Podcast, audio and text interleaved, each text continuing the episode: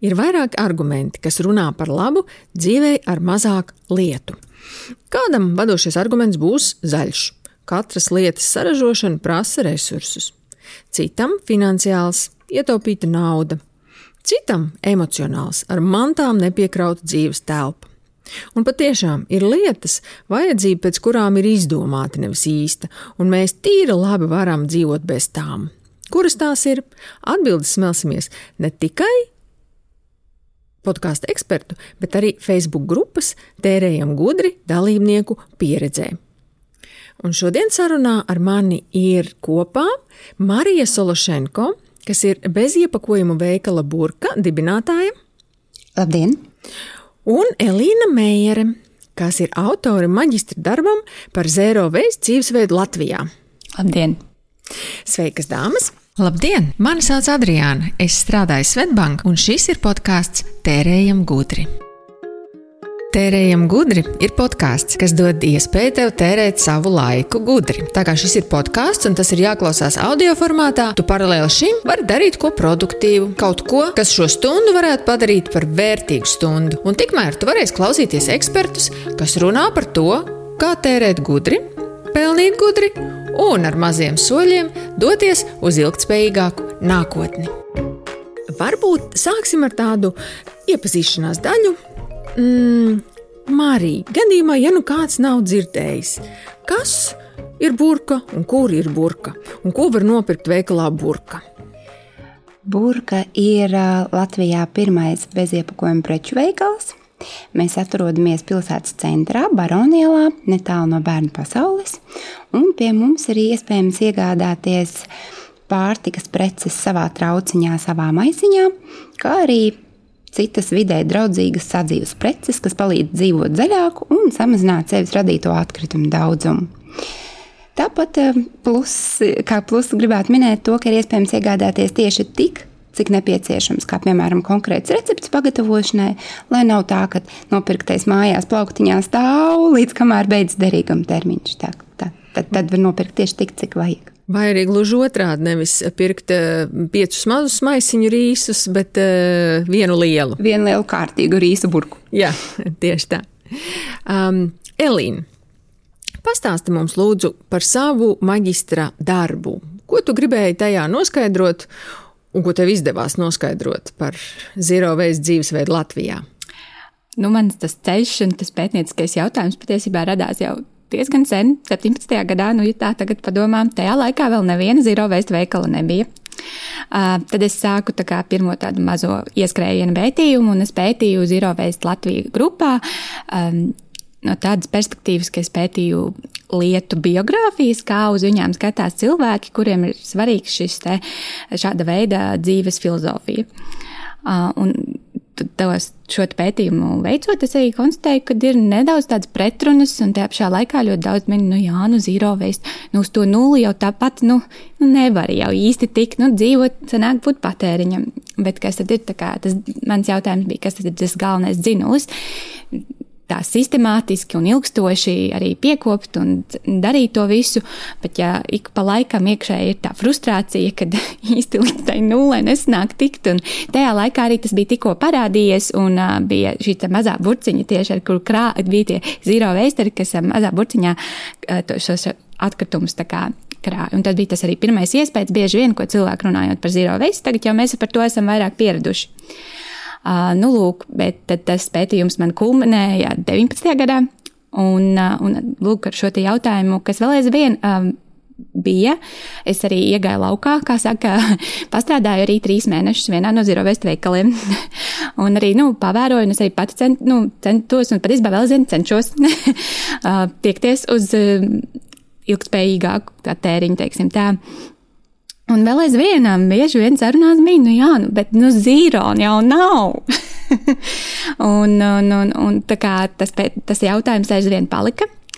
Nu, lūk, un, un, un, un dažādas pētījuma metodas izmantojot, nonācām, nonācu, runājot arī kopā ar, ar, ar šiem maniem informantiem, ka cilvēki sāk ieraudzīt lietas citādāk, sāk pievērst uzmanībai praksēm, kuras mums ir ierastas. Patēriņš pirms tam kaut kas pašs pats par sevi saprotams, kaut kas tāds, ko mēs darām katru dienu, tā kā sabiedrība mums ir iemācījusi patērēt, piepeši mēs viņu ieraugam citādāk. Un, pēc šīs morālo lūzumu un ētiskā pieprasījuma teorijas, analizējot visu šo te patēriņš, kļūst par šo morālo lūzumu, kurā visu laiku, piemēram, ļoti daudz informantu minēja to, ka ejot parastā veikalā tagad, visu, ko redzi, ir nevis nevis šis produkts, bet viņa iepakojums. Pats patēriņš kļūst par tādu nepārtraukto jautājumu. Un tāpēc arī pats zero waste arī kļūst par šo jautājumu. Bet vai tiešām šādi patērējot, vai tiešām būs šī nulīte? Nu, lūk. Bet ir vairāki vairāk, vairāk šie iekšējie morālie lūzumi, kā saka, kuriem ir šis pieprasījums to risināt. Un tas ētiskais pieprasījums ir meklēt risinājumu, un atbildes to ir zero waste. Tad arī vēl arī tiek pievērsta, pastiprināta uzmanība, tas, ko dara uzņēmumi, arī kas pasākumos notiek, analizējot arī zero waste Latviju grupā, tiek pievērsta uzmanība, piemēram, stirnu bukā, cik ilgspējīgi tur viss notiek. Un, uh, Ražošanā, piemēram, tiek uzreiz uzdots jautājums, kāpēc vajadzīga kastīte tik daudz lielāka par pašu produktu. Un viss, viss piepeši kļūst par jautājumu objektu, jo tas vairs netiek uztverts eh, tā kā pirms tam. Um, Protams, vidas apsvērumi um, par plasmasu, kura arī, tad skaties uz savu iepakojumu, tad saproti, ka viens uh, tas ir patērējis resursus, dabas, res, nu, ne dabas resursus, bet um, nu, ražošanā ir atstāta pēda. Uh, tāpat tas tiks izmests. Tātad, uh, individuālie resursi, mūsu paša naudiņa izmesta miskastē, un uh, arī mūsu viskopējie resursi, ar kuriem mums ir jā, nu, jāspēj dzīvot pēc iespējas ilgāk.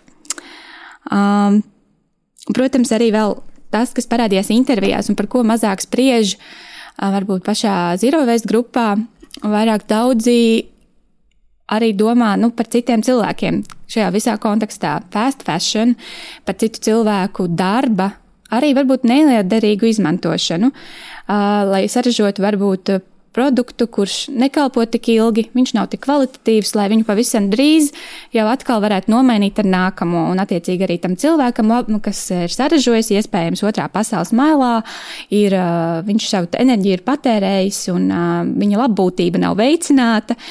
Tas ir no viena skatu punkta. Tad vēl, protams, arī, nāk, arī citi cilvēki, nākotnes cilvēki, nākamās paaudzes, par kurām arī kļūst viņu nākotne un viņu vide arī ir zem šī jautājuma, šis morālais lūzums, kuram ir ētiskais pieprasījums, atkal atbilde ir zero waste. Un, protams, par pa, pašu zero waste arī šīs pretrunas galu galā. Arī daži, daži informanti atzina to, ka reizēm var būt mazliet. Nu, Šī vainas sajūta, nevēlēšanās dzīvot šajā vainas sajūtā par, par patēriņu lieko uh, Um, bet tomēr tajā pašā laikā sajūta, kad ejot uz šo zero waste un piekopjot visus šos principus, tu balso par uh, ilgtspējīgu, tīru, pārdomātu, stratēģisku gan ražošanu, uh, jo tādā viedoklī, kad uh, cilvēkam, kurš piekopja, visbiežāk interesē visas šīs, te, šīs te lietas, biogrāfija, kā viņa ir piedzimusi, kā viņa ir dzīvojusi, cik ilgi viņa izmantošu, un ko es ar viņu varēšu iesākt pēc tam, kā viņa sadalīsies. Um, un šādā veidā piekopjot šo dzīvesveidu, um, šis arī kļūst par patiesībā morālais tāds lūzums, um, kurš ir tas, ka tas varbūt nav vēl tik pieejams, kā, kā, kā gribētos, ka to nedara pietiekami daudz cilvēku, un tādā veidā ka es, piemēram, piekopju šo dzīvesveidu, uh, es veicinu to, ka tas nākotnē varētu kļūt pieejamāks. Un tagad, skatu, atskatoties atpakaļ, tajā brīdī, kad es pētīju, bija vēl trīs, un pamazām vērās vēl vaļā zero waste veikali. Tagad viņi, nu, zero waste veikali, nu, jau ir pat visā Latvijā, vairākās vietās, un, un, un, un, un protams, uh, Ko es vēl nepieminēju par uzņēmumu praksēm, kas arī ir zem jautājuma. Protams, citreiz tiek jau parādās šis jēdziens greenwashing. Protams, viss ir zem jautājuma. Pat ja kāds pasaka, ka tas ir ilgspējīgi jautājums, vai tas tiešām ir ilgspējīgi. Un, protams, bet tajā pašā laikā ir prieks redzēt, ka ir arī lielās veikalu ķēdes, kur parādās jau ilgspējīgi arī šampūni, piemēram, cietie. Tas tātad, tātad šis te morālais lūzums un etiskais pieprasījums, kas ir zila veist praksi atbildi uz visiem šiem jautājumiem, sasniedz savu mērķi. Un, un, un tas arī viens no tādiem arī būtiskākiem varbūt ieteikumiem, kas man radās arī darbu rakstot, ka arī daudzi informanti norādījis to, ka mazāk veist, mazāk, izšķēd, mazāk izšķērdēšana, mazāk, mazāks patēriņš, mazāk šī pēda. Ja mēs dzīvojam, dzīvojam, mēs patērējam, mums kaut kādu pēdu mēs atstāsim, bet kādu vai tā ir pēda, kura domā par pārējo pasauli un to, ko viņi atstāja. Um, bet, jā, zīro varbūt nav īstais vārds, ir less, iespējams. Un varbūt tādā veidā ir iespējams vēl un paplašināt to, kur ir gatavi ieklausīties. Jo bieži vien tie, kas nav iedziļinājušies, tiecas to uztvert pārāk burtiski. Tas bija arī, nu, arī parādījās daudz kur. Tā kā jā, tās galvenās atziņas. Elīna, tevī klausoties, man mm, atnāca prātā, es kādreiz lasīju tādu pētījumu, viņš ir eh, pieejams internetā zem eh, nosaukuma tās Earth Overshoot Day. Un tas ir tieši par eh, resursu patēriņa paradumiem. Un tā, tā, tā, tā metodoloģijas pamatbūtība ir tāda, ka Tātad, nu, iedomāsimies, ka mums gadam tiek iedot kaut kāda kvota ar dabas resursiem, atjaunojumiem dabas resursiem turklāt, ja, kuru mums mūsu dzīves vajadzībām tērēt, un mums ir gads ar to jādzīvo. Jo, teiksim, tas, tas, tas, tas gads ir, ir, ir tā norma, kas spēj atjaunoties dabīgā ceļā, tad, tad zīvis savairoties, koki koki pa jaunu uzaugt un tā tālāk, nu, kas ir nepieciešama tās dzīvības uz zemes nodrošināšanai. Mm -hmm. Un tad šis pētījums pasaka, ka kopumā globāli, jo mēs esam iztērējuši visus šos resursus kaut kad ap augustu, Un Latvijā īstenībā jau mēs esam viņus iztērējuši kaut kādā tur aprīlī eh, vai, vai maija sākumā, apmēram tā.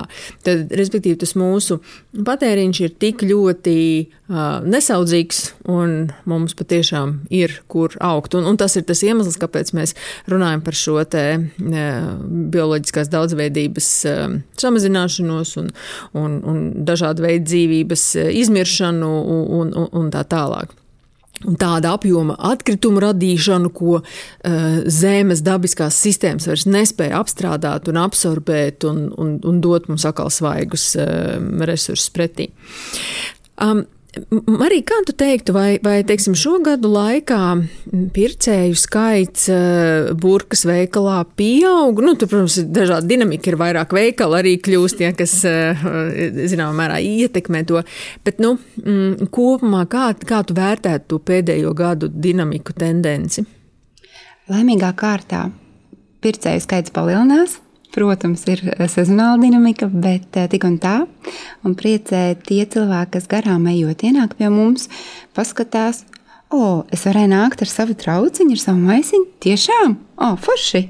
Nākamreiz tā darīšu. Un, eh, jā, līdz ar to cilvēku uzzina. Man arī patika, ka Elīna teica par to less waste, kas angļu valodā varbūt ir izplatītāks. Jo, ja mēs tā ļoti ejam un runājam par to zero waste, tad daudz mūs attiecina pie tādiem ekstrēmistiem, Mm. un, un tiešām nu, mēs visi patērējam, bet būtu jātiecās uz, tādu ilgspējīgu patēriņu, samērīgu patēriņu, tāpēc tiešām tas waste. Un man liekas, ka tagad jau tas zero waste arī ir tāds iegūst, iegūst tādu vairāk seju, šis cilvēciskāks ir kļuvis nekā pirms pāris mm. gadiem, kad tas tikai faktiski publiskajā telpā sāk izskanēt. Tā kā jā, arī mums laimīgā kārtā pircēju skaits palielinās. Jā, bet šai saudzīgai resursu patērēšanai, turpinot nedaudz par to filozofiju, viņai ir noteikti teiksim, kaut kādi pamatprincipi vai pamatnoteikumi, pie kuriem ir vērts padomāt, teiksim, ar citām acīm paskatoties uz tiem saviem patērēšanas paradumiem.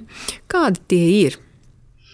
Jā, zero waste filozofijas kā, pamatā ir tādas atziņas, par kurām būtu vērts aizdomāties. Uh, ir tā saucamais 5R likums vai 6R, kas man patīk labāk. Uh, ja par 6R runājam, tad uh, tas sastāv no refuse, reduce, repurpose, repair, recycle un rot.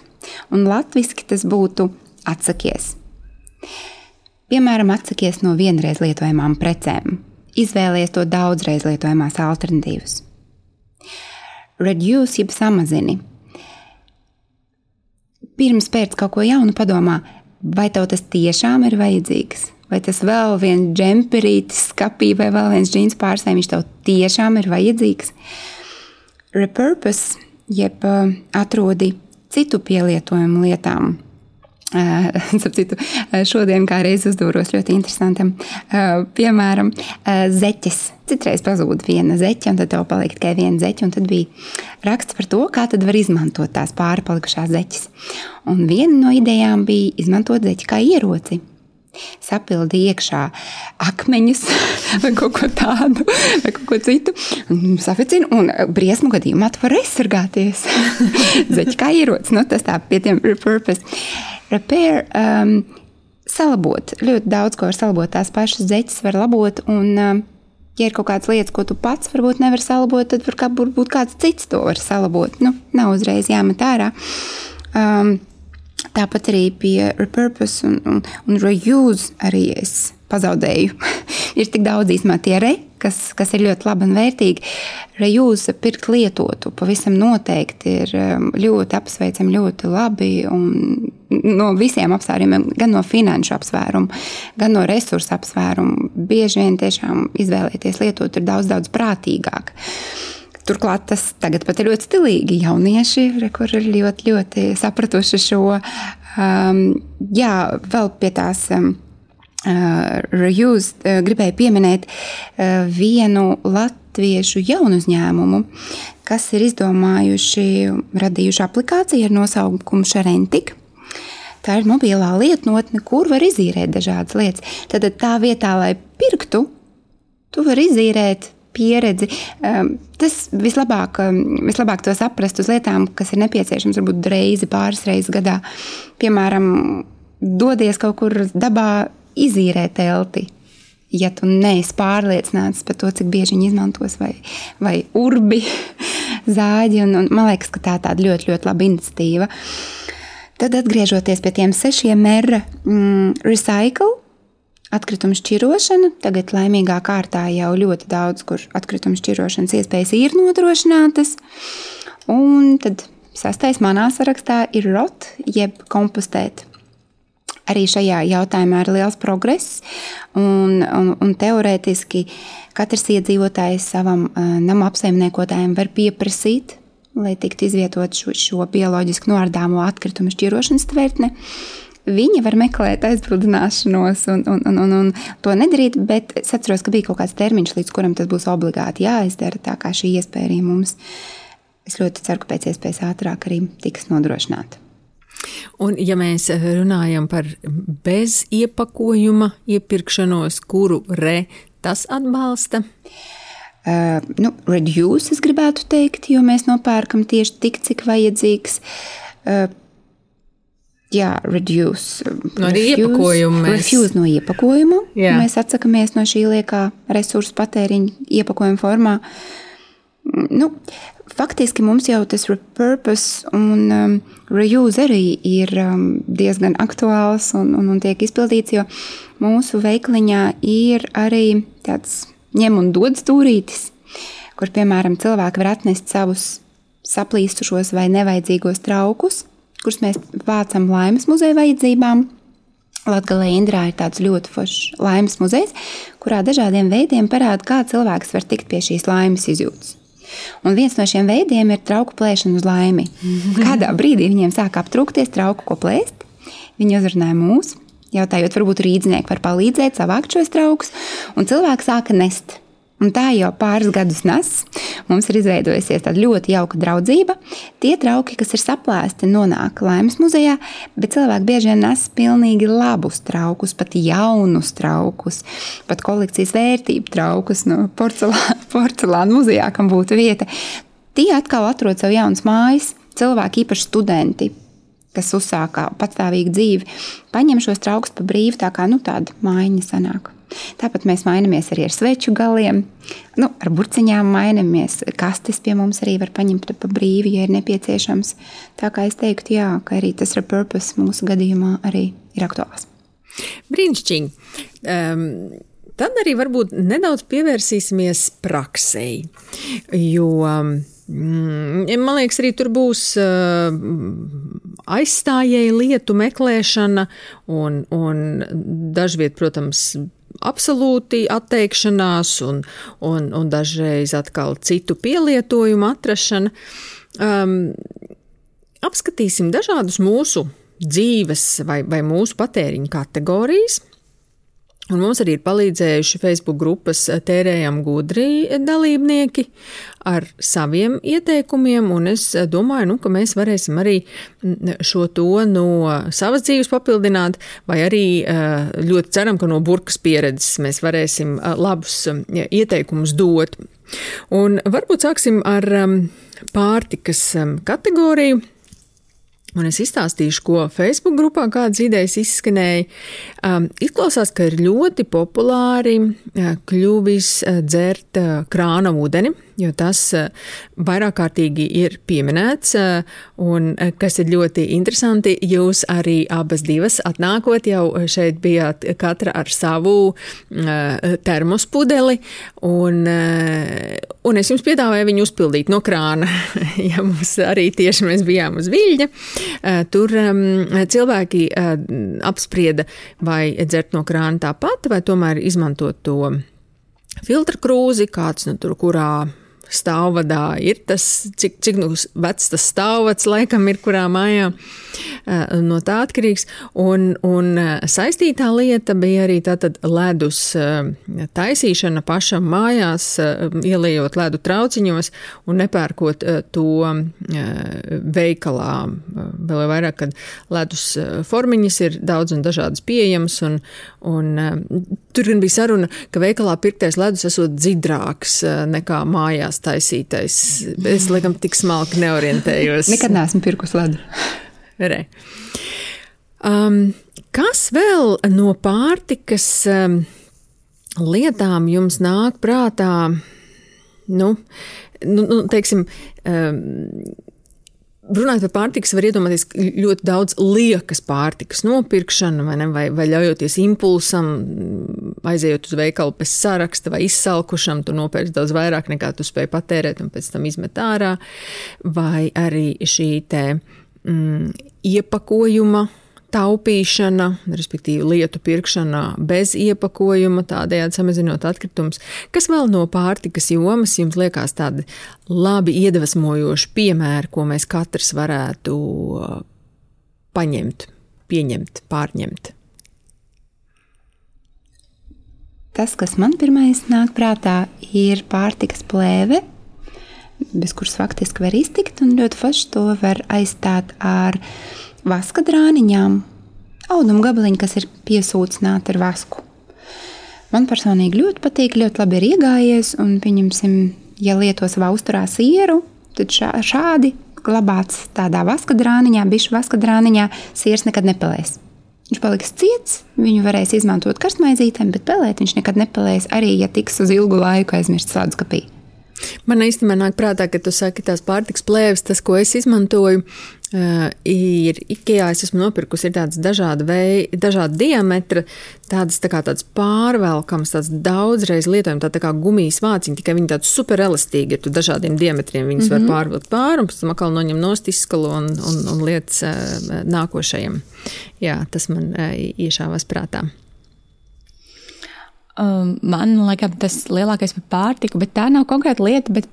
Tā plānošana pati par sevi, man liekas, ir tas, kas arī ļauj nenopirkt. Zināt, cik daudz ir jānopērk galu galā. un uh, arī viens, lec, manuprāt, su, man, manā skatījumā superģeniāls pieejams. Es atceros, at, vienmēr atcerēšos arī, nu, tā, kad es pastrādāju Zero Waste veikalā, kā uh, bija izdomājuši sistēmu, pāris, kas uh, viņiem bija divi burku komplekti visām lietām ar uzrakstiem. Vienā viņiem tajā brīdī stāvēja, jo citreiz tā, ja tev burkā kaut kas jau ir. Nu, kur tu viņu tagad liksi? Tev, bet tu zini, ka tev tūlīt vajadzēs vēl. Un, uh, un tad viņi ar tām tukšajām aizgāja, viņu uzpildīja lai viņi varētu uzreiz nomainīt, nu, lai nebūtu tas brīdis, kad nav arī mājās. Tad viņi pagaidīja, ka viņiem tās burkas uh, daudz maz ir iztukšojušās, un ar to otru burku komplektu atnāca un uzpildīja. Un tad viņiem tāda rotācija bija ļoti, un es arī vēlos to kādreiz nonākt. Man vēl nav sarunāts tik daudz burkas dabūt, bet. Nu jā, ja tu tiec līdz tam brīdim, kad tev nav, tad tu ļaujies impulsam un vienkārši nopērci tuvākajā. Jā, jā tuvākajā, jo tas prasa mazliet arī plānošanu aiziet, visu izdarīt. Tas, nu, jā, lai, lai efektīvi izpildītu visus nosacījumus, ir bijis jāpaplāno. Bet tad, kad tu to izdari, daudz laika ietaupās. Arī laiks ietaupās. Laiku, kudu var tērēt. Jā, un droši nāca uz burbuļu pēc burciņām. Mums ir sakrājies ļoti daudz, un tagad sāksies ievārījumu sezona. Tā kā droši jums ir vajadzīgs burciņas tā vietā, lai pirktu viņas, droši nāciet uz burbuļu un paņemiet pa brīvu. Lieliski pieņemam zināšanai. Um, man patīk arī silikona paklājiņš cepšanai. Cepam papīra vietā, nav jālieto taukvielas, vienkārši noskalo un lieto atkal. Man liekas, tāda arī forša lieta. Uz tiem silikona papīri, eh, paklājiņiem ir ļoti ērti piparkūks rulēt. Arī tā mm -hmm. skaitā. Jo savādāk, piparkūku sezonā tev ir visa lete un viss galds un viss, bet uz tiem silikona paklājiņiem tu, tu pat no tiem miltiem tik daudz mm -hmm. jāoperē. Mm -hmm. Tas arī tas būs no tā repurpose diviem, diviem gaņģiem. To var darīt. Jā. Vēl viena lieta, kas man tagad ienāca prātā, tas arī, ko es konstatēju, ka ir eh, nav vienprātība ilgspējīgo patēriņu iecienīt, nu, cilvēku cienītāju vidū, nevienmēr ir vienprātība par to, kas ir ilgspējīgāk. Um, vegāns uzturs vai sezonāls un, un lokāls. Nu, tā kā vai tā pārtika ir ceļojusi, Tad tur ir aizgājuši resursi, vai nu, tu ēd to, kas ir tev pieejams tuvāk, vai arī tad varbūt attiekties no dzīvnieku produktiem, kur arī ir daudz resursu aizgājuši, un, protams, vēl citi apsvērumi. Un, un, un, un tā, tāda interesanta arī. Tā kā, uh, jā. Jā, sezonālās lietas tās parasti vienmēr visur tiek minētas, kuras ir gan, gan garšas ziņā bagātīgākas, gan ar uzturvielām bagātīgākas, gan arī, protams, nav lieki resursi iztērēti, teiksim, augstā laikā, kurinot eh, siltumnīcas vai tālus eh, maršrutus eh, vedot, tā skaitā ar lidmašīnu. Mm, jā, viss, viss savējais, tas parasti ir ieteicamo preču topā augstākajās vietās. Lai salātu bļodi nav vairāk ceļojis par mums. Jā, tieši tā, labs salīdzinājums. Ļu, lūk, um, Par apģērbu runājot, um, grupiņā tika pieminēta uh, uh, kapsulas garderobe.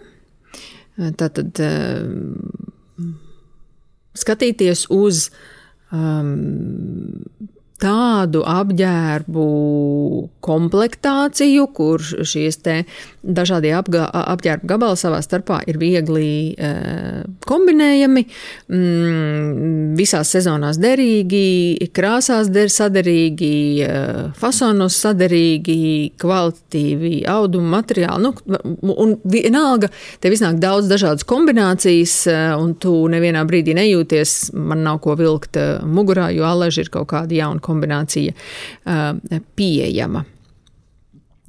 Uh, man nāk viens uh, stāsts prātā no manas pieredzes. Un tas ir stāsts par kažokādām. Pavisam nesen arī bija dzīvnieku brīvības šis video par tiem, tiem mazajiem zēriņiem. Es tagad ātrumā aizmirsu ūdelēm, jā, par, par briesmīgu apiešanos ar ūdelēm. Un eh, es zinu, man ir viens um, krādziņš. Es nezinu, kas tas ir pa zvēriņu, bet, var sakot, man ir kāds krādziņš, un tam krādziņam ir, es viņu savulaik nopirku kopā ar jaku, un tam krādziņam ir jau kaut kādi 15 gadi. Un tā jaka, protams, novalkājās, bet eh, tā lieta bija, ka tas krādziņš bija piepogājams. Un, eh, un, un tad, kad es to jauku aizmetu prom, man bija tas krādziņš, un es ar viņu domāju, nu, ko man tālāk darīt. Un eh, īstenībā es viņu turpinu izmantot, to pašu krādziņu. Es viņu uh, jakām, nu, tas ir tās, tās tradicionālās, tās dūnu biezās jakas, uh, to ar, ar spiedpogām, to krādziņu vienmēr var pielikt klāt. Nu, man jau iet tagad šo 15 gadu laikā kādas trīs četras jakas, ja, kurām es esmu nomainījusi un ar to pašu krādziņu, nu tad vismaz, lai tas zvēriņš, kas tur toreiz nomira, lai viņš pēc iespējas ilgāk uh, pilda funkciju. Bet man ļoti, ļoti patīk tā jaunā reklāma, kura saka, ja tev patīk kažok, kažokādas, ej paglaudi kaķi. Tieši, tieši tā. Lūk, un tagad man mājās pašai ir trusis, tā kā es varu savu dzīvo krādziņu uh, izbaudīt katru dienu. Uh, kas jums nāk prātā par apģērbiem runājot? Nu, Man arī nu, tā, no pētījuma viedokļa arī daudziem bija tas, ka iepirkšanās, iepirkšanās pēc vairs nav izklaide. Daudziem cilvēkiem varbūt kādreiz dzīves posmā tā ir bijis. Um, Man ir tā, ka šobrīd nu, fast fashion galīgi nesaista. Tad es esmu drīzāk gatavs samaksāt vairāk par uh, zīmolu, kam es uzticos, ka tur uh, visi, visi iesaistītie ir. ir nu, viņu, es arī balsoju par viņu labbūtību. Nevis domāju tikai par sevi un to, kā es izskatos. um, un uh, arī lietoto apģērbu veikals jā, nu, tagad pandēmijas laikā tas galīgi atkrita. jo vien brīdī arī viss cietākā, bet uh, nezinu. Man vēl kapsulas gardrobas nav, bet es cenšos iet tajā virzienā. Man liekas, principā, savulaik man pat šķiet, ka es augu pat ar tādu pieejamību. Labāk, lai tas, kas, pat, nu, ka es nopērku, tiešām man ļoti patīk. Reizēm pat visu laiku kaut ko vienādu pirkt, jo zināju, ka es vilkšu. Uh, nevis, ka kaut kas stāv skapī, vienu reizi uzvilkts. Nu, jā. No manas pieredzes, jo mazāk ir drēbju skapī, jo šķiet, ka tev ir ko vai, vairāk, ir ko uzvilkt. Mm, man pēdējos gados ir ievērojami samazinājies drēbju skaits un iepirkšanās. Man agrāk bija kā tāda savdabīga izklaide. Man liekas, ka man vajag daudz. Un, es domāju, mēs visi esam gājuši kaut kādā dzīves posmā, cauri. Kaut tā. kā likās, vai es sev apbalvoju, vai ko es tajā brīdī, nu, kaut kā emocionāli droši vien es sev pabalstīju tajā brīdī. Nu, tā kā uzsit mm. uz mhm. plāca kaut ko nopērkot. Tagad tas pavisam noteikti tā nav. Jāsaka, tagad man vairs nepatīk iepirkties. ja, nu, nu, labi, man kā neko nevajag, bet es iedomājos, ja man vajadzētu iet pa veikaliem, tagad meklēt, laikot. Jā. Īsti man tas nesaist, varbūt tāpēc kā ārā karsts. Bet, nu. Jā, un esmu sapratusi, tiešām, ja, ja skapī ir vairāk vietas, un ja tās drēbes, kas tur karājās, tiešām ir viegli kombinējamas, tad jau jā, tad šķiet, ka tev tiešām ir ko vilkt. Nu, tā tā kā pretruna sanāk, vai ne? Bet es arī noteikti izvēlos, um, neizvēlos fast fashion zīm, nu, šo zīmolu apģērbus un cenšos pirkt kvalitatīvas drēbes, kas man kalpos gadiem ilgi, un man faktiski ir daudz kleitas, kas man gado, kalpo 11 gadus. Jā, man pat Tad ir pāris drēbes, kam ir laikam pāri pa 30 gadiem, un pat vecāks par mani iespējams, jo man ir pāris mammas drēbes, kuras arī aktīvi valkāju. Man ļoti patīk tādas, tādas drēbes, kas, kurām saistās arī atmiņas. Un, nu, jā, jā. Vēl arī vietējo ražotāju, tad arī varbūt kāda mazs uzņēmums zina, kas par to ir šuvis, un tad arī tā nobal, nu, ar savu, savu pārdomāto pirkumu nobalso par par eh, to, lai viņam veicas.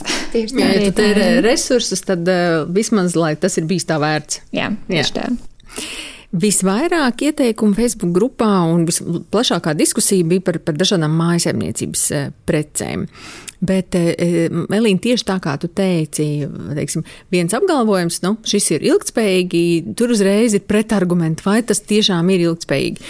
Un konkrēti bija aktīva diskusija par mikrošķiedras lupatiņām kur, protams, nu, šo te, šī te materiāla tīrīt spēja un, un, un spēja, nu, tad, tad tu nopērci to lupatiņu, tu, tev nevajag vairāk tur stiklu tīrāmo vai, vai virsmu tīrāmo, ja šī lupatiņa brīnišķīgi visu kaut ko notīra.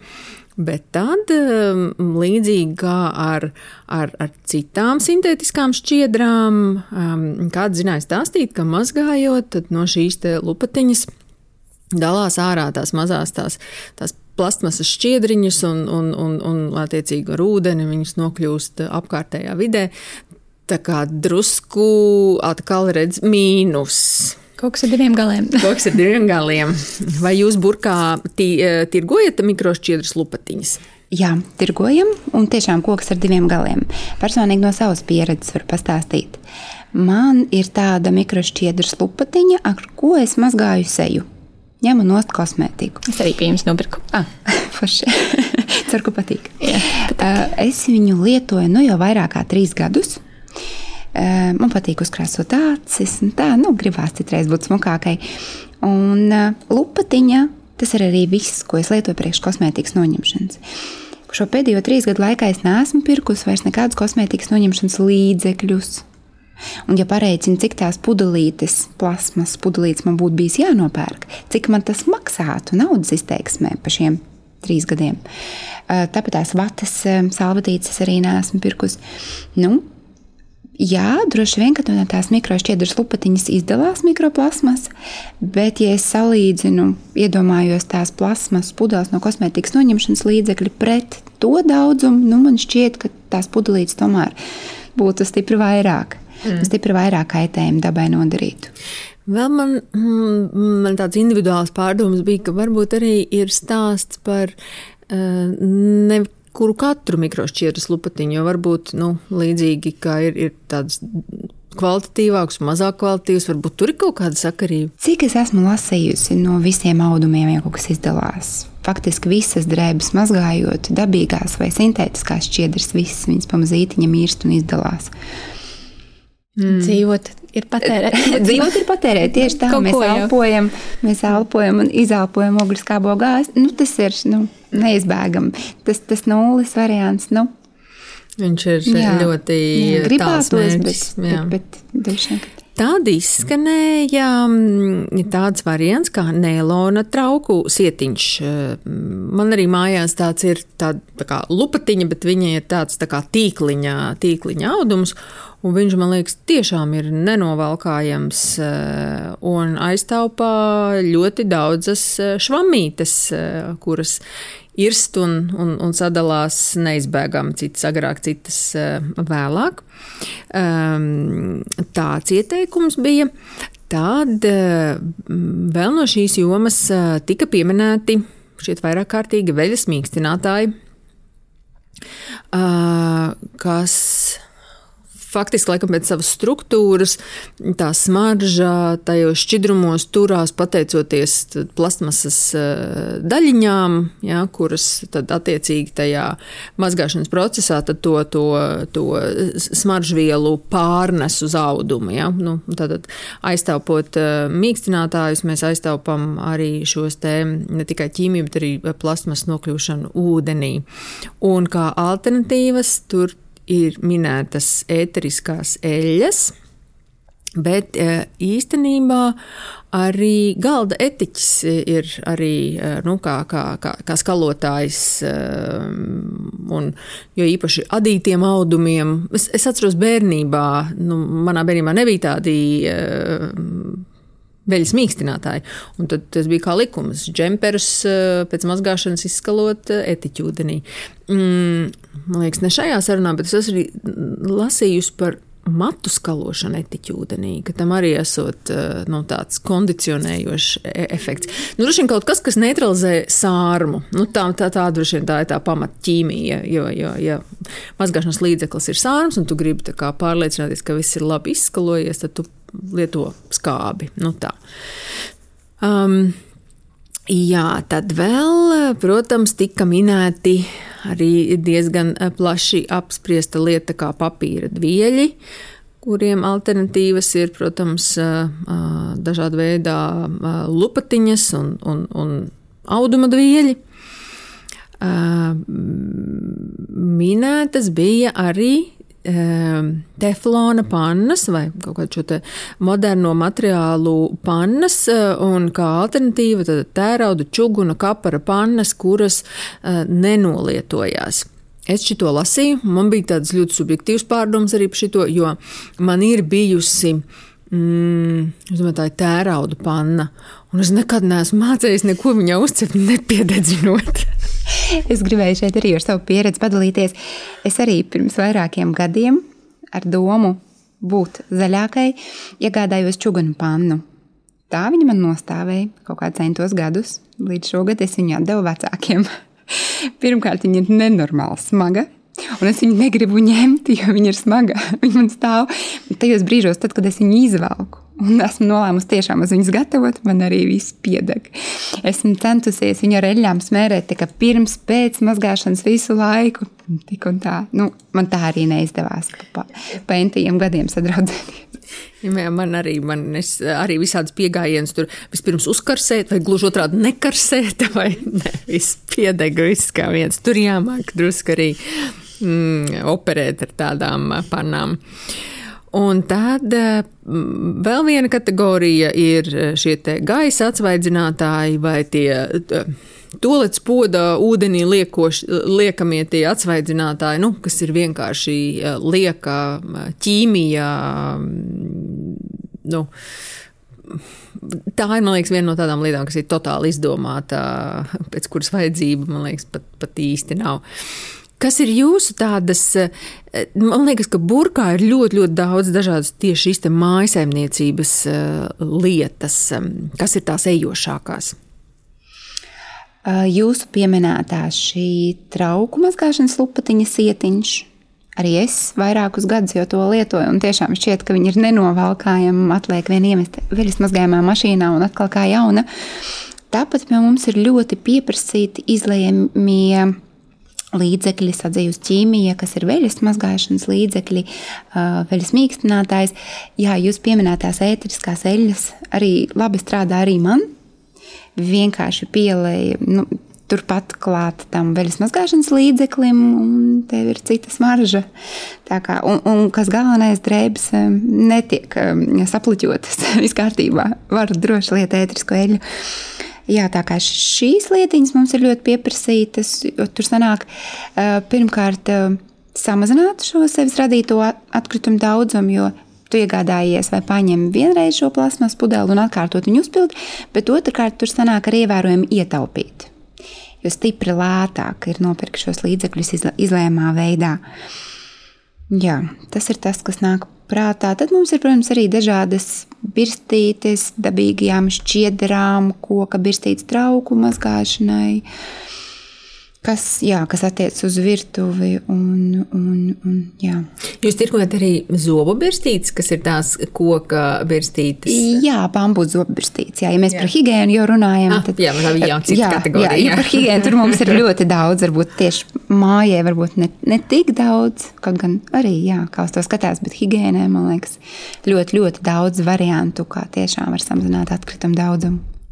Elīna, vai tev ir kaut kas piebilstams pie mājsaimniecības, kādi triki?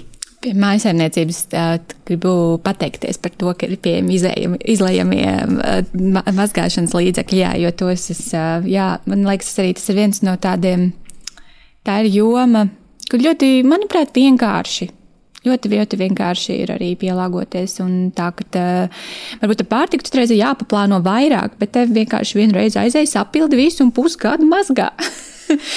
un, uh, Kas tie ir jums konkrēti burkā? Kas tie ir pa zīmoliem, kurus jūs mazgāšanas līdzekļus, tie ir kaut kādi supereko vai? Tā varētu teikt. Mums ir divi zīmoli. Šie līdzekļi pieejami izlēmā veidā. Viens ir puren, Ah. Vietējais latviešu Jā. ražotājs, kas ražo ekoloģiski certificētu um, sadzīves ķīmiju, kas arī ir hipoalerģiska, un otrs ir soneti, tas ir vācu ekoražotājs. Un abiem ir labas uh, mazgāšanas kvalitātes, uh, Elīna. Es tieši gribēju teikt, ka uh, nu, es pirms tam jau centos hipoalerģiskus izmantot, jo man no tiem ķīmiskajiem, nu, es esmu vispār alerģisks cilvēks, astmātiķis. Man nepatīk, un es nekad, ne, nu, ļoti sen jau nebiju izmantojis, bet pjūrien man ļoti arī patīk. Smārža ir tur ētriskās eļas. Mm -hmm. Un jau Un tiešām, tiešām ļoti arī forši šie aromāti un mazgāšana arī jā, nav bijuši nekādu baigo aizķeršanos, kaut kas, kas būtu salīdzinājumā. Bet, nu, labi, es pēc tam arī tā kā relatīvi dabīgi, nu jā, hipoalerģiskus izmantoju. Tā viss ir ļoti tiešām labi. Arī trauku mazgāšana. Arī ir. Jā, ir gan trauku, gan grīdas mazgāšanai, gan šķidrā ziepes. Īsumā diezgan daudz, kas runājot par eko mazgāšanas līdzekļiem, Protams, viņi nav tik ļoti efektīvi kā ķīmiskie. Ja ir kaut kādi traipi pamatīgāki, tad viņi var netikt galā. Bet nu, mums, pieņemsim, ir tāds kā žuldziepes, kas ir faktiski tāds īstenis waste, jo lielo pažults tur sastāvā. Tās savukārt ļoti labi cīnās ar traipiem, kas ir zāles, vīna, asins traipi. Mm. Man liekas, ka mm, ar šiem e, ekopulveriem tas lielākais klupšanas akmens ir baltās drēbes, kuras ar laiku mazgājot, viņas kaut kā zaudē to baltumu, viņas tādas pelēkas paliek. Un tur ir liels kārdinājums pirkt kaut kādus niknos pulverus tieši tām baltajām blūzēm, lai viņas e, būtu arī koši baltas arī pēc gadam diviem. Ļoti maz baltu drēbju autā. Iespējams, ka tāpēc. Tas risinājums iet prom no baltām drēbēm. Lūk, e, tu teici, e, Marija, ka jums esot ļoti daudz kas e, higiēnas un skaistumkopšanas tēmai piederīgs. Arī tā bija tāda otra populārākā tēma šajā Facebook grupas diskusijā. Un tur, protams, dominēja šampūni un kondicionieri. Tad šie sausie, respektīvi, tie, tie gabaliņu šampūni un, un kondicionieri, kas nu jau ir tik nevien vidē draudzīgi, bet arī savā tajā sniegumā viņi ir tik labi un, un, un efektīvi, ka ir ļoti tāda jaudīga alternatīva. Tad tika minēti skūbekļi šie plastmasas, nu, nosacīt vienreiz lietojamie. Nu, es, es ceru, ka neviens viņus vienreiz nelieto, viņus tomēr kādu laiciņu palieto, ja, bet, bet nu, tā tad iešana atpakaļ pie, pie žiletēm, respektīvi, kur tu nomaini tikai to žiletīti, vai arī elektriskie skubekļi kā alternatīvas. Un, jā, un tevis pieminētie šī te īpašas šķiedras, nu, vai nu cimdiņi, vai lupatiņas dekoratīvās kosmētikas noņemšanai. Tad mēs runājām par bambusu zobbirstēm. Kas vēl ir populārs? Es, es brīnos, ka netika pieminēts mans mīļākais produkts, par ko es esmu uh, lielā sajūsmā no nu jau vairākus gadus - menstruālā piltuve. Es, es atceros, ka pirms centiem gadiem man viena kolēģe stāstīja un teica, cik tas ir forši. Un es uz viņu tā šķīvi skatījos, jo man likās, nu, īsti nē. Bet tad es uh, saņēmos un pamēģināju pati, un tagad man šķiet, ka tas ir viens ģeniāls izgudrojums, un kur es biju agrāk. Vienkārši. Viens ir, ka tas samazina, ievērojami samazina radīto atkritumu daudzumu. Otrs ir tas, ka tas tiešām ietaupa finanšu līdzekļus, jo tu vienreiz investē un tad desmit gadus lieto. Bet trešais, kas arī man liekas ļoti būtiski, ka tas ievērojami paaugstina komforta līmeni tajās īpašajās dienās. Nu, Es esmu skatījusi tos, tos how-to video, un tas, kas mani baida un attur no pirkuma, ir tās, tās salīdzinoši sarežģītā tā lietošana. Man liekas, tāds piešauties vajag. Piešauties ļoti, ļoti ātri, tiešām ļoti ātri salok tā, salok tā un viss. Un, un, un tas tik ātri un tiešām. Mm. Es, es, es jums ļoti iesaku, jo ja, priekš manis tas ir tā, ka jā. Tas, tas, tas varētu būt tāds um, jaudīgs um, resursu, visa veida resursu ietaupītājs. Jā. Un, arī labsajūtai. Priekš manis tas viennozīmīgi labsajūta. Viennozīmīgi. Es jūtos daudz, daudz labāk tā. Brīnišķīgi. Uh, te es gribēju vēl papildināt, ir arī tagad parādīt, nu, ir arī šī apakšveļa. Un mm -hmm. kādreiz bija tikai ārzemju ražotāji. Tikko ir parādījies viens latviešu ražotājs. Es ilgi nevarēju saņemties no ārzemēm, tas vēl kaut ko tur lasīju. Man ir arī piltuve, un viņa tiešām ļoti ērta. Bet ir arī latviešu ražotājs. un pasūtīju, un arī, man liekas, izcila kombinācija. Tā kā arī, nu, arī ieguldījums vienreiz. Un tad labi, nes, ne, salīdzinoši nesen, nesens atklājums, bet arī tiešām līdzīgi kā ar piltuvi, man liekas, un man liekas, ka kā, kā arī viss šī joma attīstās. Um, bet jā, vēl par, par šo tēmu runājot, es tagad, man liekas, ir šampūnziepes, protams, tas arī pie tam fantastiski ceļojumos. Vairs nav problēma ar izlījušiem šampūniem.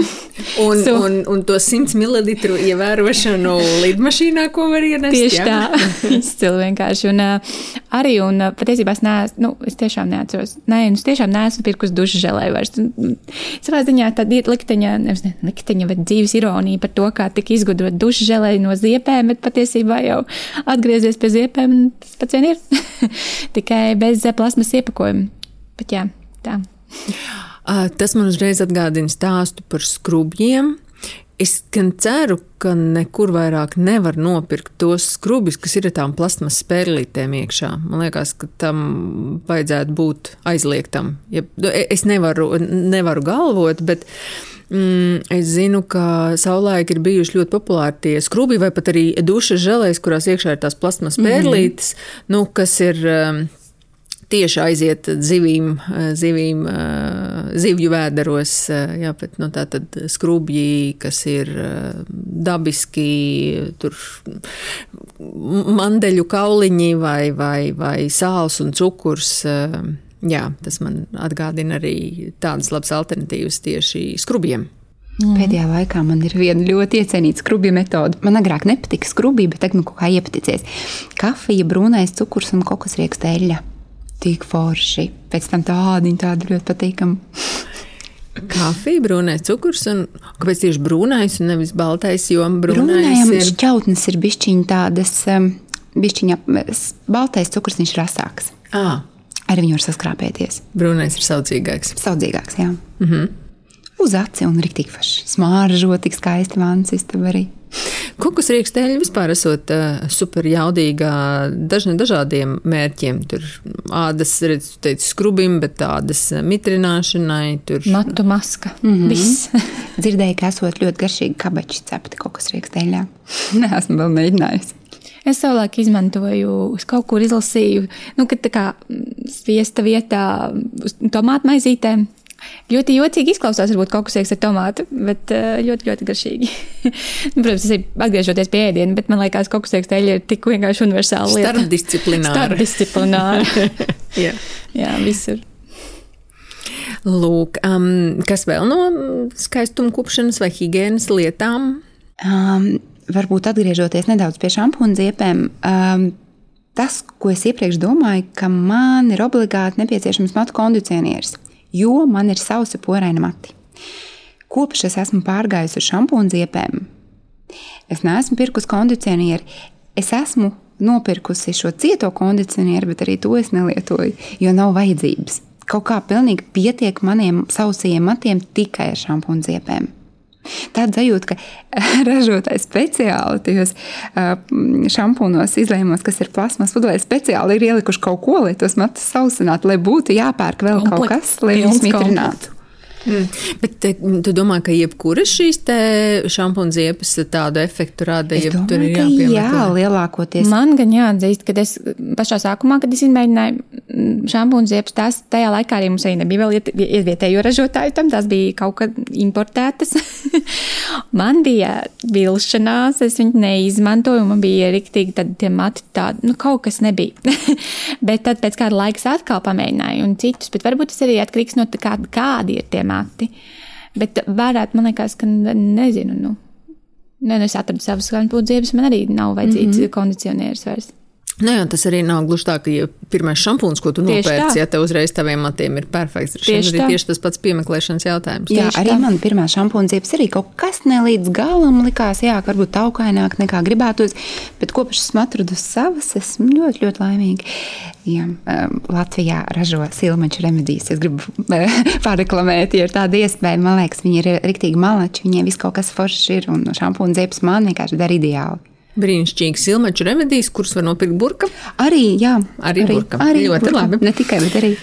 jā. jā, ja es vēl drīkst pieminēt par, par šīm higiēnas uh, precītēm, paturpinot šo tēmu, man pēdējā laikā ir ļoti arī iepaticies, un um, es vairs nepērku vates kociņus pat ne bambus vatas kociņas.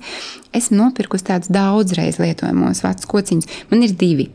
Uh, viens ir kosmētikas korģēšanai, jo man tās acis patīk citreiz mālēt, un citreiz kaut kur netur. Uh, viens ir tas kosmētikas korģēšanai, un otrs ir, ir, ir austiņām. Un, uh, nu, jā, viņus vienkārši noskalo nezinu, ja vajag tur ziepīt, paņem vai kaut kā tā, un viss. Un smukas tādas kastītes, un stāv un viss. Un, un nevajag, un nevajag domāt par to, ka, nu, pirmkārt, nerada atkritumus, un, un otrkārt, nedomā par to, ka o, atkal ir beigušās, un es nopircis, un kaut kā tā vienmēr ir.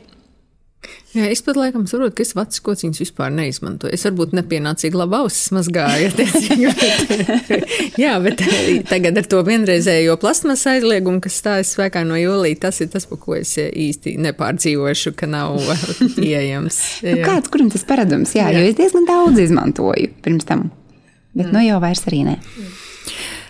Nu, lūk, un tad mēs esam nonākuši pie bija viens um, ar hobiju saistīts um, uh, lietas, kas vairāk, uh, vai, vai, drīzāk, kas tiek mazāk pirktas, bet arī tas laikam būs tāds dubultā, dubultā apusē griezīgs uh, uh, risinājums. Tad tas bija par grāmatām. Par grāmatu nepirkšanu, bet izmantošanu, bibliotekas izmantošanu tā vietā vai arī digitālo grāmatu izmantošanu, lasīšanu digitālā formātā. Um, jā. Nu. Atzīst, atzīšos, ka es pērku grāmatas. Man patīk. Man patīk turēt fiziski rokā, un man patīk pabalstīt to autoru. Man ļoti patīk, kā viena mana draudzene saka, viņa saka, digitāli es pērku tās grāmatas, par kurām es nelepotos, ka viņas stāv manā grāmatplauktā. ļoti labi. ja, ja man gribās kādu lētu romānu, tad to es pērku digitāli, es viņu vienreiz izlasu un aizmirstu, bet tad ir grāmatas, kas ir ikoniskas, kuras es gribu redzēt savā grāmatplauktā. Man tā pieeja ļoti simpātiski liekas. Ja.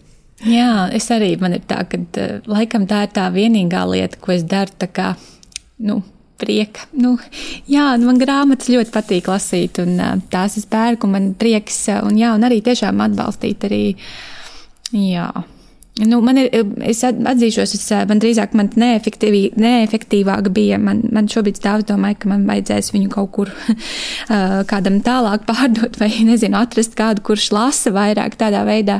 Man ir, man, nu, digitālā grāmata, eh, un eh, man no viņas nelasījās galīgi. Man patīk lasīt tā, un tad sanāk, ka tas pirkums bija drīzāk neefektīvāks iespējams. Nu tā, ko, nu, jā. Mums eh, kolēģi vidū ir brīnišķīga praksa ieviesusies, kur mēs kolēģi starpā mainamies ar jaunopirktajām grāmatām un cits citam dodam izlasīt un pērkam tādas, kas mēs zinām, ka citiem nav, un tad tā mēs lielāku apriti tai nopirktajai grāmatai taisam.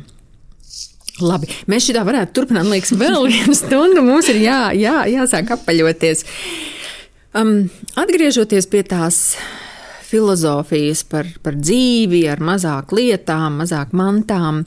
Kas varbūt ir tie tādi paradumi, kurus mēs sev varētu kultivēt, vai drīzāk kas ir tas domāšanas veids, kas mums palīdz paskatīties uz šo patēriņu ar, ar citām acīm, vai tādi nu, labi paradumi. Nu, piemēram, mm, man liekas, kas ir ļoti, ļoti trāpīgi, ir atrakstīšanās no zīmolu promo e-pastiem. Jo ir tik liels nu, kārdinājums, ka tev atnāk, un tagad šitam ir 50% atlaide. Nu, skaidrs, tu nekad nebūtu iedomājies, ka tev tādu lietu vajag, bet, nu, ja ir 50% atlaide, ja nu tā kaut kas būtu jānopērk. Um, tas ir tāds labs. Um, labs uh, triks no manas pieredzes, ko es zinu, uh, kā, kam atrakstīšanās palīdz. Un tad um, vēl ir tā, ka citreiz tev liekas, nu, tev šausmīgi to lietu vajag. Nu, tā kā nu, tev šausmīgi viņu vajag. Un tad vajag kādu nedēļu padzīvot. Un, ja pēc tās nedēļas tev joprojām tikpat šausmīgi vajag, nu, tad, tad, tad ir tas, tas pirkšanas, bet, bet citreiz jau pēc divām dienām tev vairāk tā lieta nemaz tik aktuāla neliekās. Kas ir jūsu tādi triki, ko jūs izmantojat, lai atbalstītu šo dzīvesveidu ar mazāk lietām? Es laikam apzinos un jā, saprotu, zinu, ka mēs dzīvojam patērētāju sabiedrībā un ka mums visu laiku cenšas kaut ko nopārdot. Un tad ir jautājums par to, vai tiešām man to vajag, vai tā vajadzība varbūt man ir uzspiesta. Tiešām, man liekas, labi strādā šis nogaidīšanas variants. Un uz akcijām es tā arī nereaģēju. Man kaut kā jau zinu, filtrs kaut kāds ir ieslēdzies. Jo, nu, Jā, man pat tās akcijas, kaut kādas lielas akcijas, pat citreiz pat atcīt vēlēšanos pirkt, jo pašai ar veikaliņu saprotu, Tad rodas jautājums, kāds tad vispār jums ir uzcenojums? Jūs varat atļauties tur 50%, kas tad ir ikdienas uzcenojums? Tā kā man tās akcijas pat atcīt, jā. Nu, man liekas, visvairāk tas, kad vienkārši sākt ar mazumiņu arī šādā jautājumā. Arī veicot pētījumu, arī saprotot, ka, nu, lai nerastos arī vainas sajūta kādreiz, kad kaut kas sanācis varbūt nopirkt kaut ko ne tā, un tu vienkārši saproti, tu izdari secinājumus, tā jau tā pieredze dzīvē rodas. Tas ir viens. Un, um, jā, sākt ar mazumiņu, manuprāt, šajā gadījumā, lai ir mazāk pēc tam. Un, uh, Un varbūt atrast tās lietas, kurās uh, pašam ir uh, vienkāršāk. Piemēram, man tāds, kad es iktīgi jūtos par mājsaimniecības precēm, ka to es varu ļoti, ļoti, ļoti uh, labi saplānot un uh, un, un, un realizēt.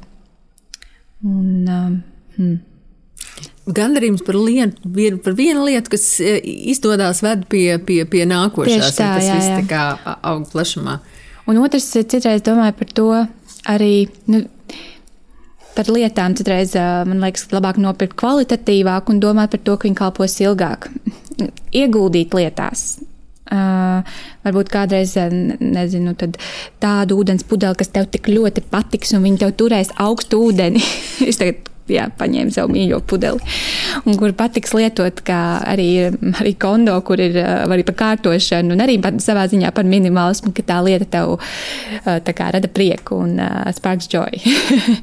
un, un tad varbūt, nu jā, un nevis uh, varbūt citreiz, kā saka, it kā domāt, ka tas pirkums, kur tu bišķīt mazāk iztērēs, būs gudrāks, bet uh, iespējams, ka tev tā lieta nolietosies daudz ātrāk un beigās, kas kopējs maksā divreiz, un tad, jā, arī tādā ziņā, man liekas, arī, jo, jā. Tādā ziņā varbūt. Domājot par savām finansēm, es uh, izvēlos tērēt pieredzēji, nevis lietām. Kaut kā pēdējā laikā man tas jājo, jo tās atmiņas, kas man paliek, lietas kaut kādas izbaudot, pieredzot, man liekas, ka tas ir daudz, daudz vērtīgāk par to, kas var stāvēt plauktā vai jā. skapī. Šis ir labs. Šis ir rīktīgi labs. Tā. Jā. Es gribētu nobeigt uh, uz nots, kas mums jau sarunā izskanēja, un kur mēs filozofējam par šo te, vai, vai vispār zero ir sasniedzams. Un tad es kaut kur dzirdēju tādu frāzi, ka attiecībā uz šo te apzināto tērēšanu vai apzinīgo attieksmi pret vidi ir svarīgi, ka ir nevis daži cilvēki, kas dara visas lietas pareizi, bet ka katrs no mums nu, paspēr to vienu mazo solīti, un tad varbūt pēc gada vēl vienu jaunu paradumu un tā tālāk. Un tas ir tas, tas, tas ceļš kas nenozīmē ar lēcienu iekšā zero, bet visi un pat pišķītiem. Jā, pilnīgi piekrīt. Pilnīgi arī pievienojos. Paldies līdz citai reizei. Paldies! Paldies!